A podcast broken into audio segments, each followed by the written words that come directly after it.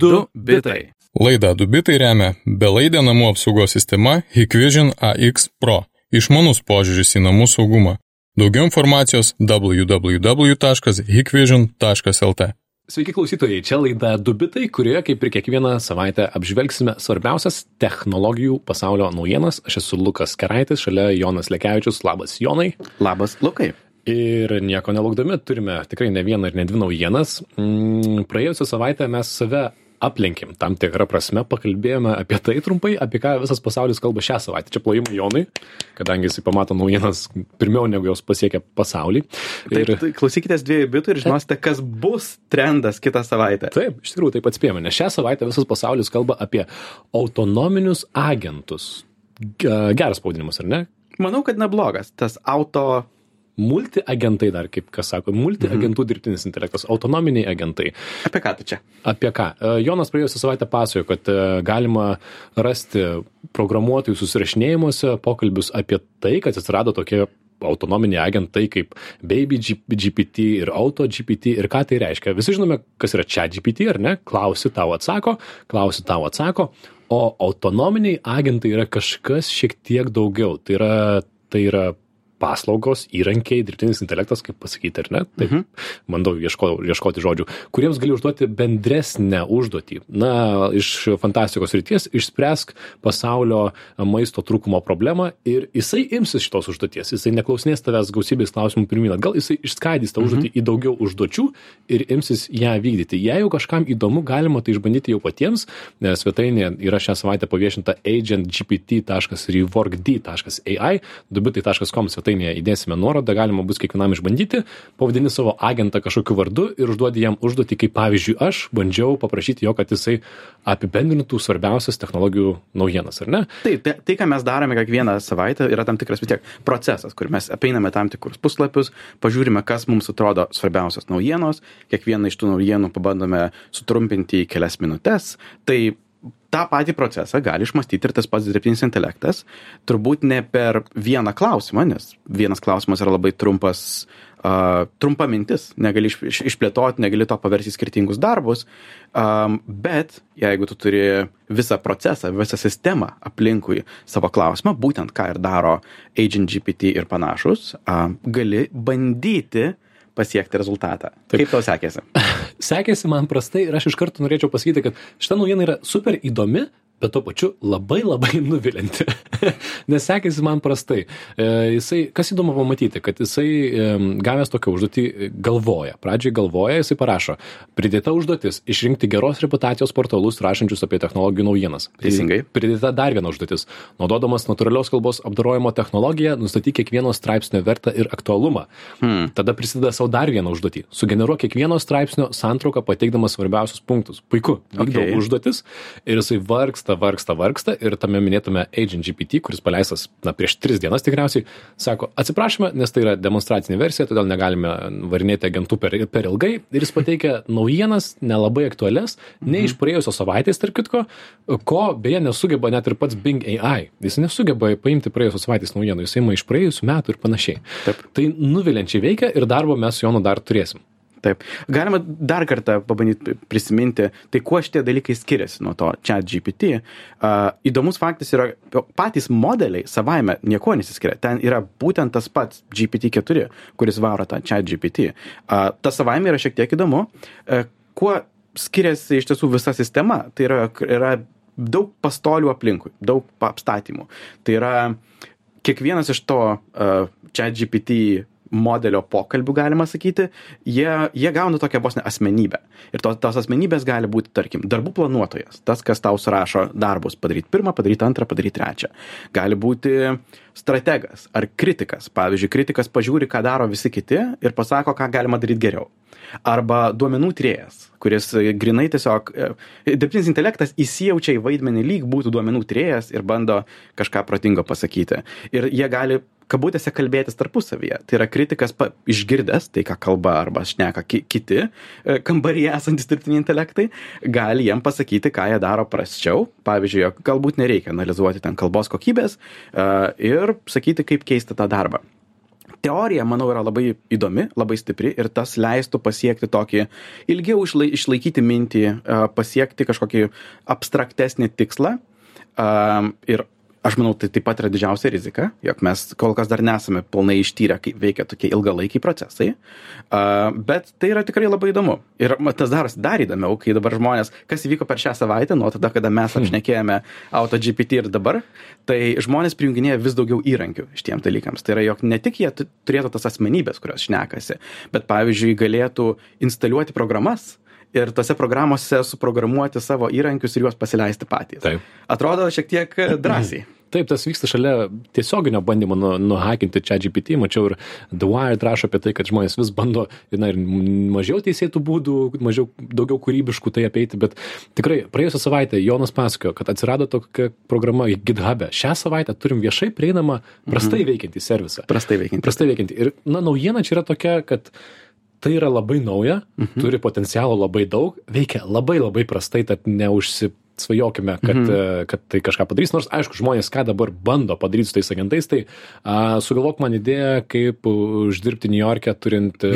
dvi laisvas valandas per dieną, Taip. arba kaip pradėti startuoliai su šimtu dolerių. Netgi ir prieš istoriją, kaip suprantu, pasakoja apie tai, kad e, visa šita idėja prasidėjo nuo Hustle GPT judėjimo, mhm. kuris buvo rudenį, kur žmonės iš karto atsiradus čia GPT susirašinėjo, ieškodami būdų, kaip iš to uždirbti. Tad Taip, aišku. pinigai varo pasaulį, ar ne? Bet tuo pačiu, kas šitoje srityje bus po, po pusės metų, po mhm. dviejų metų, ar ne? Ir yra, jau pavyzdžių, kai dabar tai yra šiek tiek pritaikoma kažkam, kažkas Taip. bando daryti. Nes mes turbūt gal net daugiau nei prieš metus esame šnekėję, tarkim, pirmą dalį modelį, kuris tikrai generavo nelabai spūdingus vaizdus, bet dabar turime Midjourney 5, kur šiaip dar pašnekėsime, ką generuoja, kur žmonės net pažįsta, ekspertai net pažįsta, ką sugeneruoja. Ir todėl yra labai smagu žiūrėti, kaip žmonės žaidžia su šitą naują technologiją. Man pačiam linksmiausia nauja idėja, kurią pamačiau su šitą technologiją, buvo toksai darbų susivedimo programėlė, kaip To-Do appsas, kurį turbūt esame pratę naudotis. Skirtumas su juo yra, jog tai, ką tu suvedi, jis pats ir padaro Taip, iš karto, ar ne? E, prijungtas prie šito dirbtinio intelekto, kuris, e, kuriam iškeltas darbas patampa tikslu ir jisai sugalvoja, na gerai, prirašy man darbų, aš eisiu dirbti. Taip, pavyzdžiui, sugalvoju, kad reikia nepamiršti uh, Jonui aprašyti prezentaciją iš vakar ir nusiųsti L paštu. Ir vietoj to, kad dėtum tai ir užrašinę, duodi iš karto agentui ir jisai matai vykdyti. ar ne? Ir galbūt iki galo nepadaro, bet vis tiek įspūdinga tai Bando, stebėti. stengiasi. Tad naujas žodis galbūt jums e, autonominiai agentai, multi-agentų dirbtinis intelektas, AutoGPT, taip tai vadina tą dalyką. Šiaip ir visi sako, e, the next big thing after GPT, čia GPT, šią akimirką. Wow. Sekantis dalis, dalykas po čia GPT, tai manau, kad mes ne visai pritarėm, norim nuleisti visus ant žemės, bet čia toks dalykas, ant kurio reikia užmesti vieną akį ir sekti, nes bus įdomu. Mhm. Tai va. O toliau sekanti naujiena yra apie Eloną X Muską, papasakokim. Elnas Maskas tikrai niekam nebus girdėta tokia technologijų asmenybė, jis labai mažai projektukų užsiema, tik tai turi Tesla, SpaceX ir Twitterį, tad e, sugalvojo, jam reikia dar vieno dalyko, nori kurti dirbtinio intelekto e, kompaniją, nes šiuo metu tai yra ant bangos, visi nori kurti dirbtinį intelektą. Ir sugalvojo jam pavadinimą x.ai. Um, Dramatiška. labai dramatiška. Uh, jo, jam šiaip iš tiesų kol kas priklauso ta X korporacija ir jis prie tos X korporacijos prijungė Twitterį prieš kelias savaitės, tad X raidė jam labai patinka. E, Girdėjau net savo vieną sūnų vadina, vadina tiesiog raidę X. Nu, Elnas Maskas yra Elnas Maskas. Šiaip ar taip, grįžtam prie temos. Um, X.ai. Tikslas panašu bus konkuruoti su OpenAI. Uh, dar vienas faktelis yra, jog Elonas Maskas buvo vienas iš OpenAI bendrai kuriejų, tik gana anksti kompanijos istorijai dėl vidinių nesutarimų pasitraukė ir tuomet nekūrė. Dabar matyti yra smarkiai nepatenkintas tuo, ką mato pasaulyje, kaip tai vyksta ir nori kurti konkurentus. Padarė keletą žingsnių tą kryptimį. Pirmiausia, prisitraukė talentų, ypač iš Google priklausančio DeepMind, kuris turbūt yra antras po OpenAI savo modelių įdomumo kūrimu. Uh, ir antras žingsnis, ką padarė, tai nusipirko virš 10 tūkstančių grafikos plokščių tiesiog uh, tam, jog treniruoti ir, ir vykdyti tuos dirbtinio intelekto modelius. Elnas Muskas vis mėgsta įsidaryti tokiais dideliais e, griebimais, gūsiais, smūgiais, nežinau, kad, kad tik tai visi parašytų, tai jam tas ir pavyko.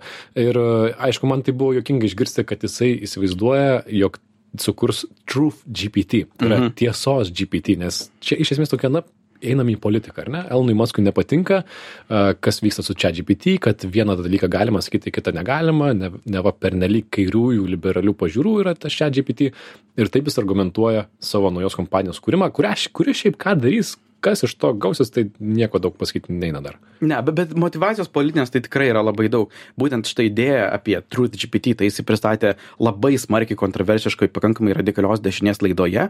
Aš nekėdamas apie tai, tad tikrai jam nepatinka būtent tas jautrumas, kurį galbūt turi tam tikri modeliai, atsisakantis liesti tam tikrus klausimus. Jisai įvardėjo, jog to Truth GPT tikslas turėtų būti atrasti objektyves visatos tiesas. Na, Hmm, toksai wow, okay. savotiškas. Tik tiek, ar ne? Tik Supratau. tai čia antradienį padarykim šitą. Ir man yra labai dviveidiška, kaip Maskas elgesi, nes jis viena ranka pasirašinėja peticiją, apie kurią mes skiriame daug laiko aptarti tą kvietimą stabdyti dirbtinio intelekto vystymą bent šešiems mėnesiams. Ir jisai pasirašė ir net skatino kitus labai smarkiai pasirašyti, jog nevystykim dirbtinio intelekto. Tuo tarpu kita ranka pasirašinėja samdymo dokumentus iš konkurentų ir pats kūrė dirbtinio intelekto startupą. Nes jis yra Elonas Muskas ir yra šaumenas ir gali savo tai leisti, turi didelį vardą ir turi pinigų, kur gali pafinansuoti tai. Žinių radio klausytėjim priminsime, kad girdite laidą pavadinimu Dubitai, aptarėme svarbiausias technologijų naujienas. Elonas Muskas įkūrė savo AI-os naują kompaniją, o kita naujiena susijusi su vėlgi tam tikrą prasme su ChatGPT, bet labiau apie Samsung ir Google santykius. Tad e, New York Times istorija šią savaitę pasirodė, po kurios 4 procentus pakrito Google akcijų kaina. Istorijos esmė tokia. Kovo mėnesį Google darbuotojai buvo šokiruoti, sužinoję, kad Pietų Korejos milžinė Samsung svarstė savo įrenginiuose Google paiešką pakeisti Microsoft Bing paiešką. Ir galiu suprasti to Wow, Google dairosi. darbuotojų nu, nuostabą. Aišku, jeigu būtų klausę jie dviejų bitų rudenį, mes sakėme, kad Bingas vejasi iš paskos, ar ne? Na, bet tiesiog, kad suprastumėte apie ką istorija. Šimtai milijonų Samsung telefonų, planšečių ir kitų renginių, kaip numatyta, jie naudoja Android operacinę sistemą su Google paieška. Ir, na, tai saliginai nedidelis 3 milijardų dolerių vertės kontraktas mhm. tarp Google ir, ir, ir Samsung.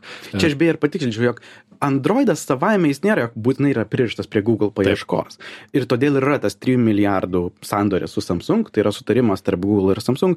Jis neša vertę abiems. Samsungas tiesiog gauna krūvą pinigų, bet Google gauna paieškos srautą iš visų Samsung vartotojų, kuriuos gali monetizuoti. Taip, ir Google paieška veikia tas mažas kvadratėlis, į kurį kasdieną vedame žodžius 25 metus jau sėkmingai veikia, užima 80 procentų rinkos, generuoja 162 milijardus dolerių per metus e, ir tai na tiesiog baiminamasi, kad tai gali būti pirmas smūgis jam, kadangi ir Apple šiais metais e, peržiūrėjo savo kontraktą su Google 20 milijardų vertės, panašių, panašių klausimų, kaip žemai kristų Google akcijos, jeigu pasklistų gandas, kad Apple svarsto partneriauti su Bing, tai yra antruoju rinkoje, ar ne?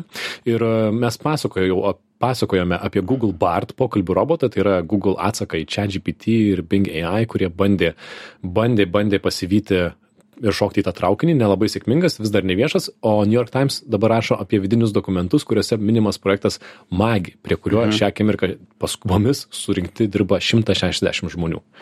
Tai tas kodinis pavadinimas, jis po juo slepiasi, pirmiausia, projektas sukurti iš esmės naują paieškos versiją, kuri būtų su tuo integruotu Google Bard modeliu.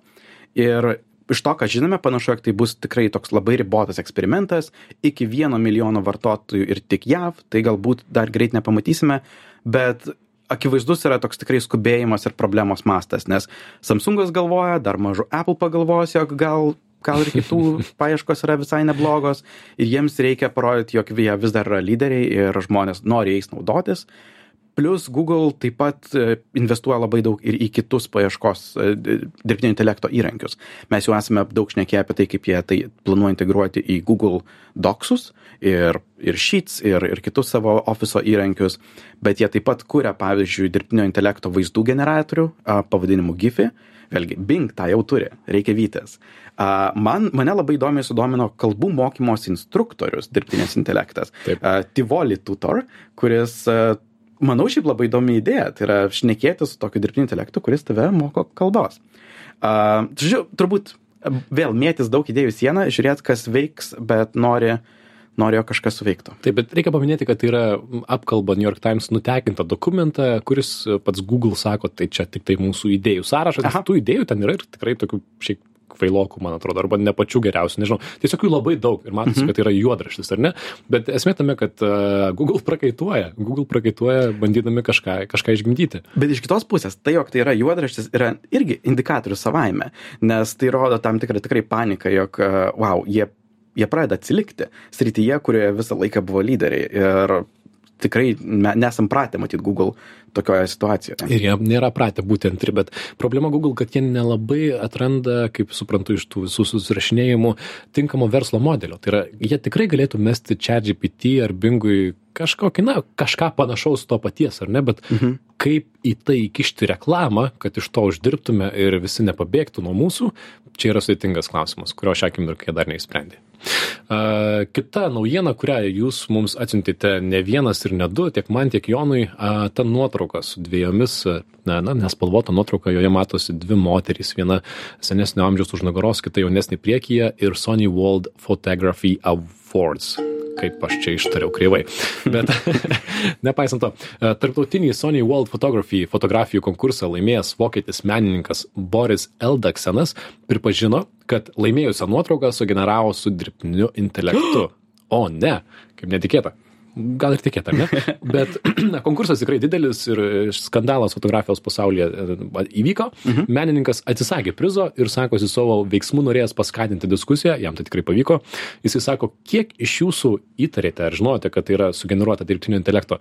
Kažkas juk apie tai yra, na, jaučiasi negerai, ar ne? Ir mhm. jisai sako, aš tiesiog norėjau paskatinti dialogą fotografijos pasaulyje, atvirą dialogą apie šią problemą, nes neaišku, kur yra fotografija, kur yra dirbtinis intelektas ir tai, kad jūs mane įtraukite ir kad aš laimėjau, yra blogai. Bet to mhm. jisai susipyko su konkurso organizatoriais, tie sako, mes žinojom, kad čia dirbtinis intelektas, jisai sako, kad nežinojom, bet čia jau, čia jau, sakykime, dramų yra daugiau, bet daug kas sureagavo. Vieni sako, kad, oi, man tai čia buvo aišku, čia dirbtinis intelektas, aš tai čia užmetęs akį jau matau. Aha. Mm, dar viena proga apkalbėti tą seną, seną jau kurį laiką užsisukusią diskusiją. Tai kur visgi yra šita medija, dirbtinio mhm. intelekto sukurti paveikslėliai? Aš manau, šita, šita naujiena mus pasiekė tiek daug kartų ir tai sutapo su ta diskusijos kiekiu pasaulyje, nes, nes tikrai atrodo, visi turi nuomonę. Iš pačių fotografų aš girdėjau viską nuo jog dirbtinis intelektas yra dar viena fotografijos forma kur hm, okei nežinau ar sutinku iki to, jog e, maždaug Sony ekspertai nesupranta, kas čia vyksta, bet aš matau už 300 metrų gulėdamas ant žemės, jog čia yra dirbtinio intelekto padaryta. Kas irgi, manau, yra netiesa, nes visgi nuotrauka atrodo pakankamai realistiškai. Plus, Boris Eldaksenas tikrai pasirinko labai gerą stilių. Jisai pasirinko senoviškai atrodančią nuotrauką, kurioje savaime jau yra daug klaidų, ten koks nors šviesos kampas arba nutrinimas ir tai paslėpia tokius dirbtinio intelekto netobulumus. Protingai tą padarė, diskusiją sukėlė manau klausimas dabar yra kokius konkursus mes norime matyti. Aš manau jog turbūt atsakymas yra akivaizdus. Mes turbūt nenorime maišyti dirbtinio intelekto su žmonių menu geras klausimas, aš nežinau, aš nežinau, aš neturiu atsakymą. Man atrodo, kad įdomi diskusija, kuri tuo pačiu yra tampa jau taip greitai tam tikrą prasme nuvalkina. Na bent šitas juokelis, ar ne, kad o šį tekstą iš tikrųjų, kurį aš perskaičiau, mm -hmm. parašė čia GPT ir dabar tas pats tampa su nuotraukomis, kur šitą nuotrauką šiaip ne aš padariau, čia dirbtinis intelektas. Mm -hmm. Ir jau tai visiems pradeda šiek tiek įkyrėti gal. Bet uh, aš tai už, už diskusiją, bet nedrįščiau, nedrįščiau okay, mesti okay. savo cento, ką čia reikėtų daryti. Be abejo, konkurse, tai, na, reikėtų galbūt pažymėti, kad taip yra padaryta nuotrauka, mm -hmm. ar ne, nėra ko slėpti konkursuose. Taip. O ar tai turėtų būti atskira kategorija, ar, ar dar kažkas, tai čia jau Sony turės nuspręsti. Kai kurie organizatoriai turbūt pradės reikalauti žymiai dažniau kažkokių RAW failų arba originalių e, redagavimo failų tam, jog kategorizuoti tiksliau, jog žmonės netyčia neįsliūkintų to, ko nereikia. Taip, tai čia tema visiems pasiginčyti prie, prie kavos podelio. E, kita naujiena, mm, man norisi vieną tokią linksmą papasakoti jums, kadangi šiandien visai rimtai kalbėjome, e, aš perskaičiau tikrai mažiau svarbi naujiena. E, ne, būkime, būkime tiesmukai mažai svarbi naujiena, bet įdomi, man atrodo, papasakojanti, koks tai yra įvairus ir juokingas internetas, kas mums tikrai yra aktualu. Tad čia yra istorija apie tai kad užsakyti žmogžudystę internetu nėra gera idėja kadangi jungtinėse valstijose šią savaitę buvo suimtas dvidešimt vienerių metų ka kariškio patirties turintis vaikinas. Jis pakartotinai aplikavo į internetinį puslapį rentahitman.com, kas lietuviškai būtų išsinuomok smogika.com. Vaikinas žadėjo už 5000 dolerių nužudyti vienos klientės vyrą, tik klientės vardu su juo, aišku, kalbėjo FTB agentas, kuris jį ir suėmė. Įdomi šio puslapio istorija, kad 2005 metais e, puslapį šitų pavadinimų sukūrė kalifornietis Bob Ains, e, tikėjęs iššokti į nuvažiuojantį .com burbulą ir tuo metu, būdamas studentas, ieškojęs būdų, kaip pareklamuoti interneto puslapių srautų analizės paslaugą. Tai jo juokelis buvo, kad pasisamdyk smogiką, tai reiškia, kad pasisamdyk žmogų, kuris pritrauks klikų į tavo interneto svetainę. Čia toks. Nes tai vadinasi hits apsilankymai. Taip, taip, taip. Na, čia toksai, sakykime, bet e, nelabai jis naudojo to puslapio, bet 2010 metais gavo žinutę iš vienos Britės, kuri norėjo nužudyti tris iš savo šeimos narius. Jaiks.